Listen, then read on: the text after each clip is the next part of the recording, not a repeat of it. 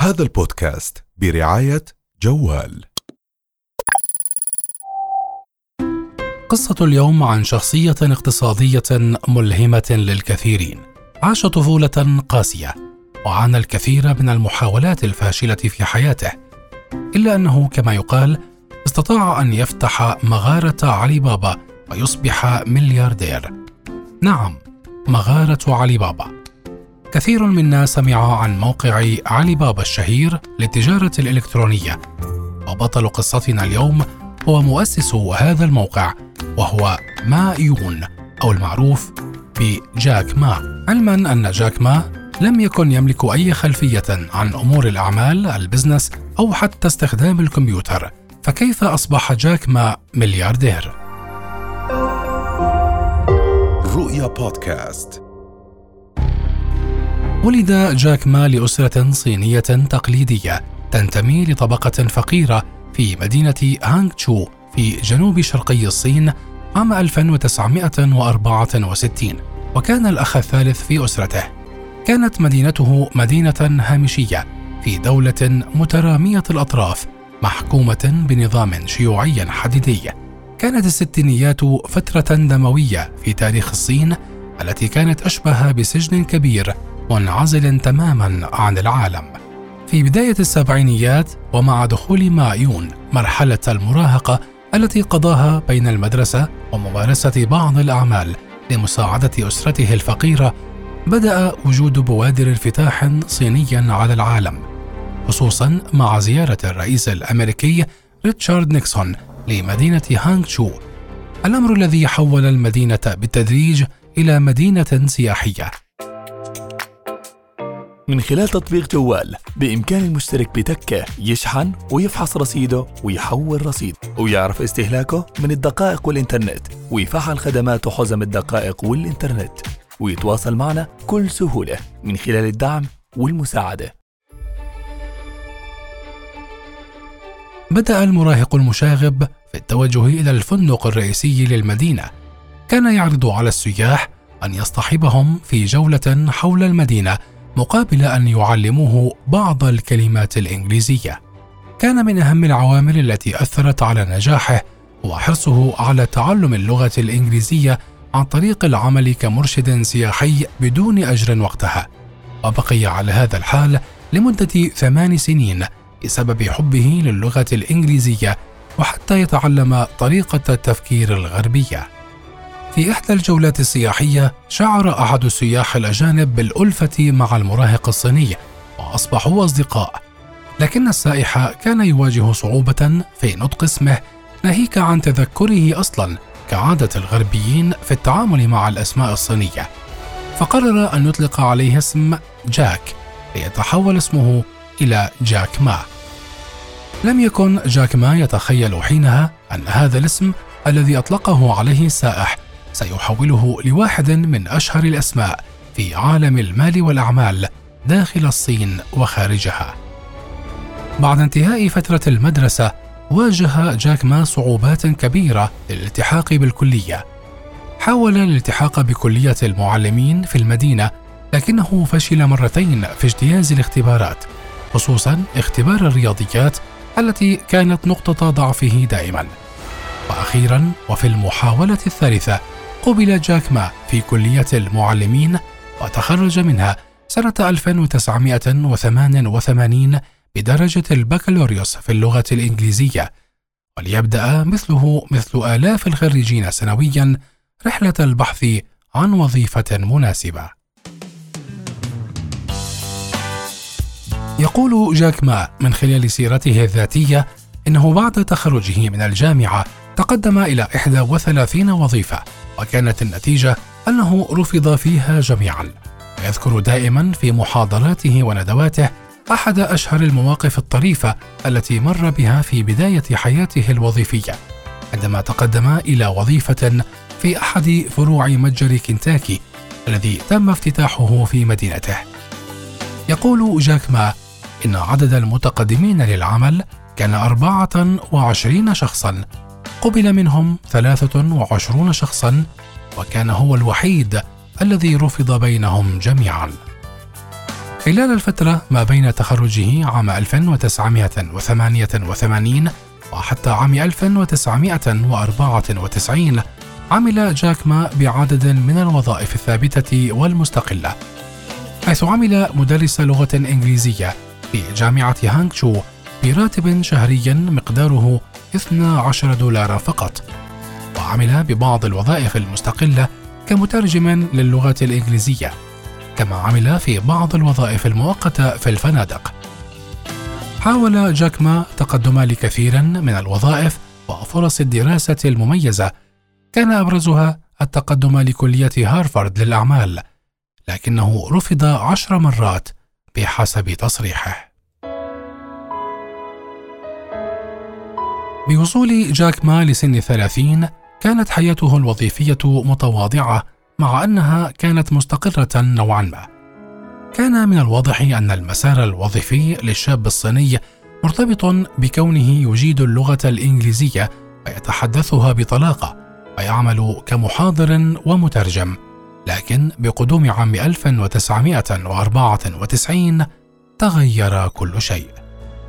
مع الخبرة الكبيرة لجاك ما في اللغة الإنجليزية قرر في عام 1994 افتتاح شركة صغيرة لأعمال الترجمة وبدأت تتعامل مع الشركات الصينية التي تحتاج لخدمات الترجمة من الإنجليزية إلى الصينية وبالعكس. في بداية عام 1995 سافر جاك ما مع وفد من إحدى الشركات الصينية إلى الولايات المتحدة بطبيعة عمله. ليتعرف هناك على أهم فرصة في حياته ألا وهي شبكة الإنترنت. طبعا شبكة الإنترنت وقتها كانت في بداية انتشارها ولم تكن معروفة حول العالم لا سيما الصين. من اللحظات الأولى سحرت شبكة الإنترنت جاك ما فهي لم تكن معروفة في الصين حينئذ. بدأ جاك ما بالبحث عن بعض الكلمات المفتاحية على محرك البحث ياهو وهو محرك البحث الأساسي وقتها قبل صعود جوجل وجد أمامه محتوى ضخما ومتنوعا لكنه يخلو من ذكر أي معلومات حول الصين. عندما تعرف جاك ما في أمريكا على الإنترنت وتأثيرها الكبير ولاحظ عدم وجود معلومات عن الصين قرر إنشاء موقع إلكتروني متواضع عن بلده رغم عدم معرفته بالبرمجة فضلا عن عدم معرفته أصلا باستخدام الحاسوب. كانت فكرته استخدام الإنترنت ليكون وسيطا بين المصنعين الصينيين وعملائهم خارج البلاد.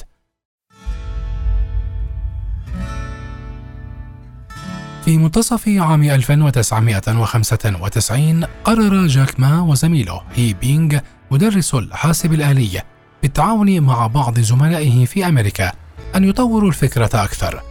خلال إطلاق قاعدة بيانات متكاملة للشركات الصينية في الإنترنت عموما وفي أمريكا تحديدا. وأطلقوا على المنصة اسم صفحات الصين. استمرت المنصة لمدة ثلاث سنوات تقريبا وحققت إيرادات وصلت ل 800 ألف دولار ما عزز من اهتمام جاكما بالمزيد من الأعمال على شبكة الإنترنت. في تلك الفترة حصل جاك ما على وظيفة في شركة تكنولوجيا معلومات تابعة للحكومة الصينية لكنه قرر أن يقدم استقالته في عام 1999 ليبدأ مشروعه الكبير منصة تجارة إلكترونية شاملة. في هذا الوقت كانت شركة أمازون التي أسسها جيف بيزوس قد حققت نموا هائلا وأدرجت في البورصة الأمريكية مع تصاعد مؤشرات الأرقام التي تشير إلى أن العالم يتجه للشراء الإلكتروني بدلا من الشراء التقليدي. بعدها جمع جاك ما في شقة سكنية صغيرة 17 صديقا من أصدقائه وشرح لهم فكرته والأسباب التي تدفعهم للعمل معه على تأسيس منصة التجارة الإلكترونية والتي سماها علي بابا ومقرها الأساسي هو الصين. في عام 2005 استثمرت شركة ياهو مليار دولار من خلال شراء 40% من منصة علي بابا من خلال صفقة تمويل كانت تعد شديدة الضخامة بالنسبة للمنصة الناشئة. منذ عام 2005 وحتى عام 2013 تحولت منصة علي بابا إلى مجموعة قابضة تضم العديد من الشركات المستقلة جميعها تدور حول التجارة الرقمية وتقنيات الدفع الرقمي والتقنيات السحابية. في عام 2012 تجاوزت التحويلات المالية عبر منصة علي بابا حاجز التريليون يوان، وأصبحت المنصة الإلكترونية أكبر منصة تجارة رقمية في الصين، ومن كبار اللاعبين في هذا المجال حول العالم. في عام 2014 تم الاكتتاب على شركة علي بابا في البورصة الأمريكية ناسداك لترتفع ثروة جاك ما إلى 25 مليار دولار آنذاك. ويصبح أغنى رجل في الصين على الإطلاق.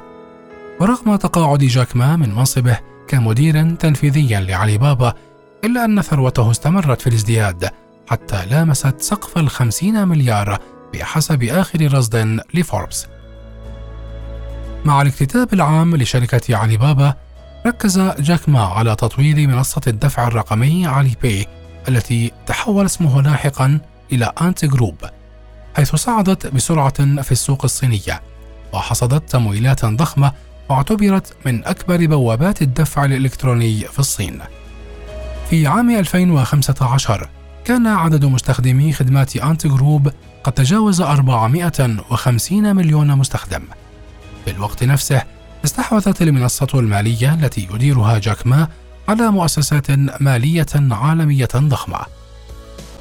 في عام 2018 جمعت الشركة تمويلات ضخمة بقيمة 14 مليار دولار، فيما وصفته الصحافة العالمية بأنه أكبر تمويل عالمي حصلت عليه شركة خاصة على الإطلاق، تزامنا مع التوسع في الهند وجنوب شرقي آسيا.